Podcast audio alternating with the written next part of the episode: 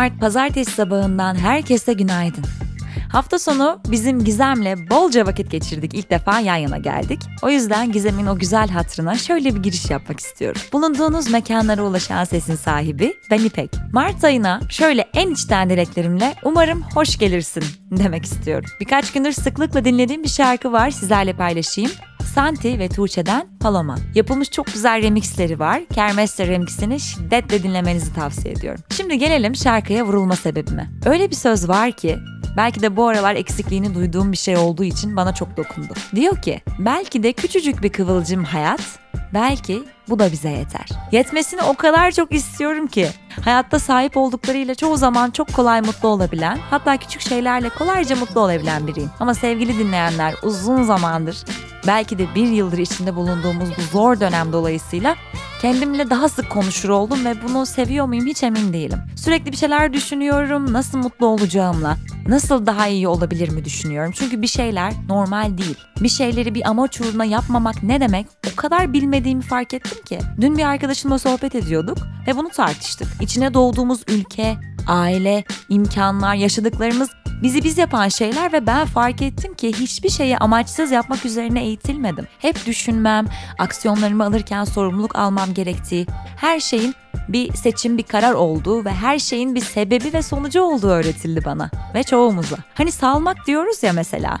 Siz salabildiğinizi düşünüyor musunuz? Çünkü benim etrafımda bunu yapabilen biri yok ve o yüzden belki bu da yeter bize sözü beni çok etkiledi. Hani bir şeyler zaten mecbur kalınca olsun bu da böyleymiş bu da bana yeter deriz ya. İşte onu mecbur kalmadan söyleyebilmek istiyorum. Ama işte galiba yaş almak, büyümek böyle bir şey. Genç olduğum için de bu kadar sorguladığımı, sinirlendiğimi, heyecanlandığımın farkındayım. Ee, sizinle bu hislerimi paylaşmak istedim. Belki bir kıvılcım hayat, belki bu da bize yeter diyebildiğim günlere. Bugünün bülteni Konyalı Saat'in destekleriyle ulaşıyor. Saat mağazacılığının önde gelenlerinden Konyalı Saat, anda kal hashtag'i mottosuyla dünyanın önde gelen saat markalarının %100 orijinal ürünlerini yıllardır tüketicisiyle buluşturuyor. Ayrıntılar bültende. Piyasa özeti.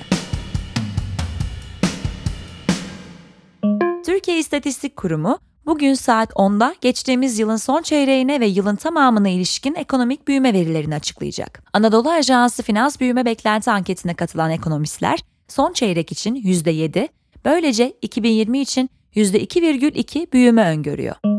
Çin Ulusal İstatistik Bürosu verilerine göre imalat sanayi satın alma yöneticileri endeksi Şubat ayında 50,6 seviyesinde gerçekleşerek son 9 ayın en düşük seviyesine geldi. Hizmet ve inşaat sektörlerini kapsayan imalat dışı PMI'yi da 51,4 seviyesinde gerçekleşerek beklentilerin altında kaldı. Geçtiğimiz ay 11 Şubat'ta başlayan Çin yeni yılı tatili nedeniyle ülkedeki fabrikalar ve işletmeler bir süreliğine kapalı kalmıştı.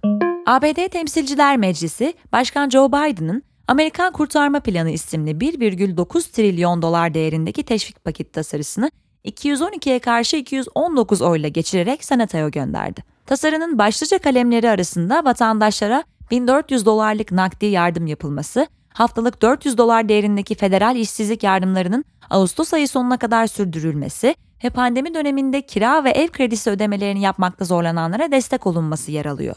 ABD Hazine Bakanı Janet Yellen, Cuma günü gerçekleştirilen G20 Maliye Bakanları toplantısında küresel dijital vergilendirme reformu konusunda ülkesinin bazı şirketlerin kurallarından kaçınmasına olanak sağlayacak güvenli liman uygulamasını artık desteklemediğini söyledi. Almanya Maliye Bakanı Olaf Scholz, ABD'nin hamlesinin daha geniş çaplı bir reform anlaşmasının yolunu açtığını ifade etti. Ekonomik İşbirliği ve Kalkınma Örgütü, minimum vergi ve dijital vergi reformları yapıldığı takdirde küresel çapta vergi gelirlerinin 60 ila 100 milyar dolar kadar artabileceğini söylüyor. Bu sayı dünya genelinde tahsil edilen toplam kurumlar gelir vergisinin %4'üne denk geliyor. İş Dünyası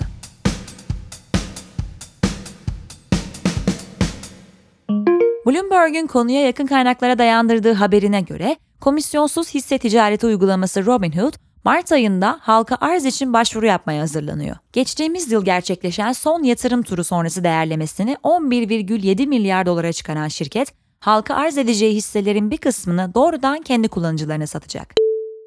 Robinhood, ABD piyasalarındaki GameStop çılgınlığı esnasında GameStop ve diğer hisse senetlerinde ticaret geçici olarak kısıtladığı için hem siyasi çevrelerden hem de kullanıcılarından büyük tepki çekti. CEO Vlad Tenev, 18 Şubat'ta Temsilciler Meclisi Finansal Hizmetler Komitesi önünde ifade vermişti. Bu hafta ise şirketten yapılan bir açıklamayla uygulamada yaşanan kesintiler ve opsiyon ticaretiyle ilgili soruşturmaların sonlanması için Financial Industry Regulatory Authority ile görüşmelere başlandığını duyurdu.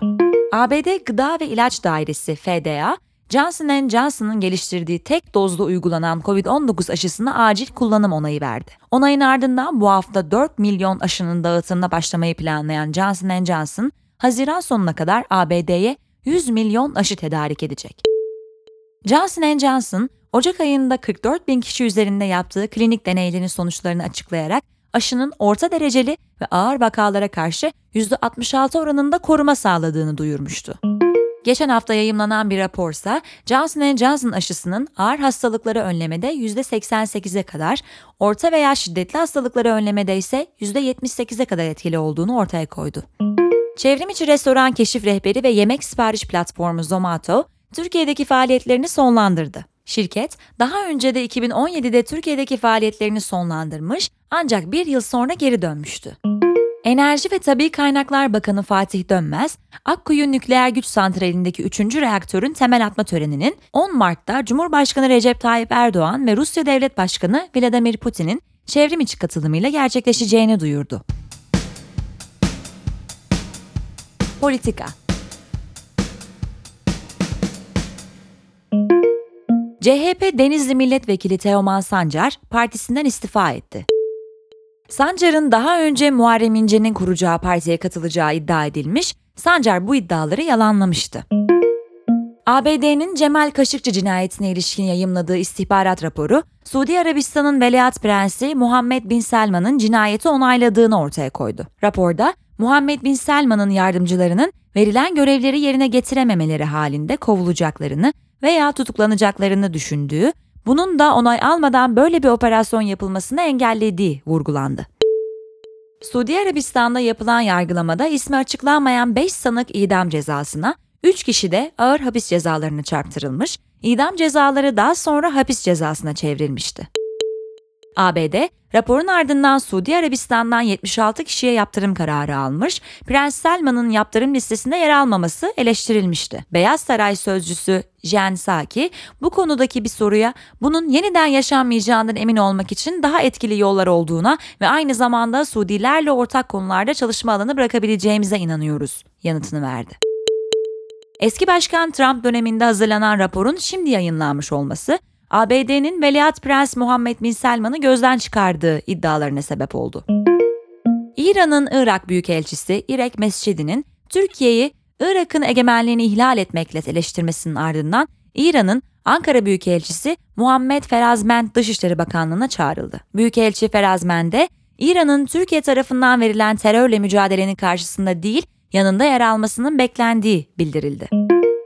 Cuma günü bir yatılı okula yapılan saldırının ardından kaçırılan 317 kız öğrencinin kurtarılması için çalışmaların sürdüğü Nijerya'da geçen hafta başka bir okuldan kaçırılan 42 kişi serbest bırakıldı. Cuma günkü saldırıyı henüz kimse üstlenmedi.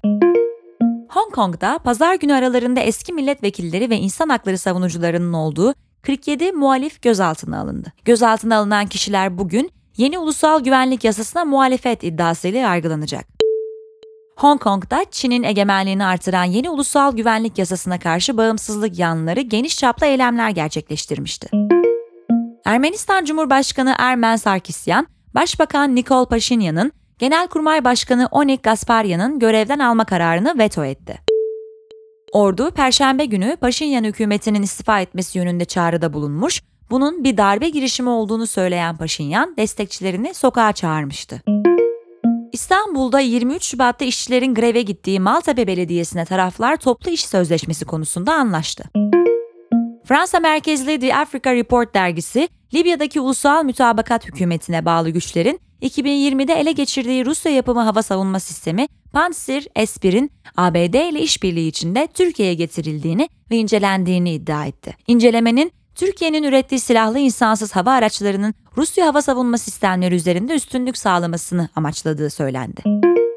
Birleşmiş Milletler İnsan Hakları Ofisi, Myanmar'daki darbe karşıtı gösterilerde kalabalığa ateş açılması sonucu 18 kişinin yaşamını yitirdiğini duyurdu. 1 Şubat'ta gerçekleşen darbeden bu yana en az 30 kişinin yaralandığı da açıklandı. Birleşmiş Milletler Sözcüsü açıklamasında Myanmar'daki protestolara yönelik artan şiddeti güçlü şekilde kınıyoruz ve barışçıl protestoculara karşı güç kullanımının durdurulması çağrısı yapıyoruz ifadelerine yer verdi.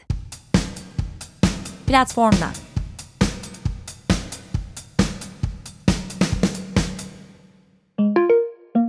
Yıldızlı bir hikaye, haftalık bültenlerinde edebiyata ve sanata yön veren isimleri konuk ediyor, eserlerini inceliyor. Son sayıda konuk Aldous Huxley. Hem karnı hem de ruhu doyuran yemek hikayeleri, tarifler ve yeni lezzet keşifleri bu kız hep açın haftalık bültenlerinde. 2021 Tokyo Olimpiyatlarına yaklaşırken bir olimpik branş, bir olimpik sporcu, olimpiyatın tarihine ve kapsamındaki sporlara ışık tutuyor kelime köşesinin yeni sayısında astronot kelimesi odakta. Kelimenin kökenleri ve olası Türkçe karşılıkları için bültene göz atabilirsiniz. Teknoloji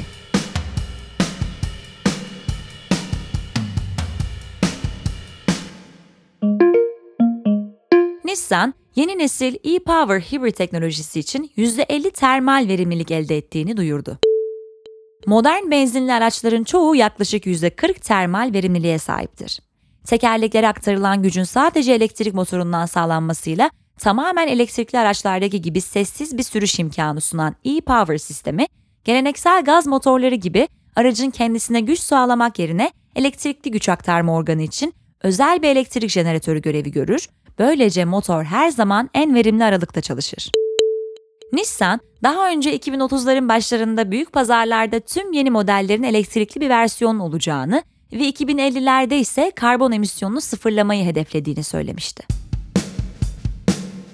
Spor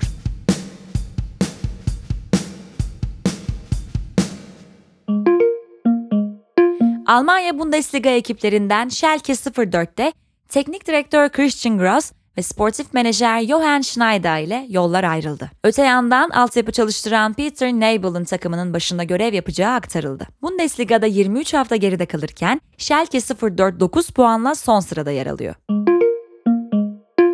Dünya Boks Birliği ve Dünya Boks Konseyi süper orta siklet kemerlerinin sahibi Saul Alvarez ile Dünya Şampiyonluğu maçına çıkan profesyonel boksör Avni Yıldırım, rakibine 3. roundda mağlup oldu ve Alvarez ünvanını korudu. Dünün ve bugünün öne çıkan karşılaşmaların sonuçları bültende.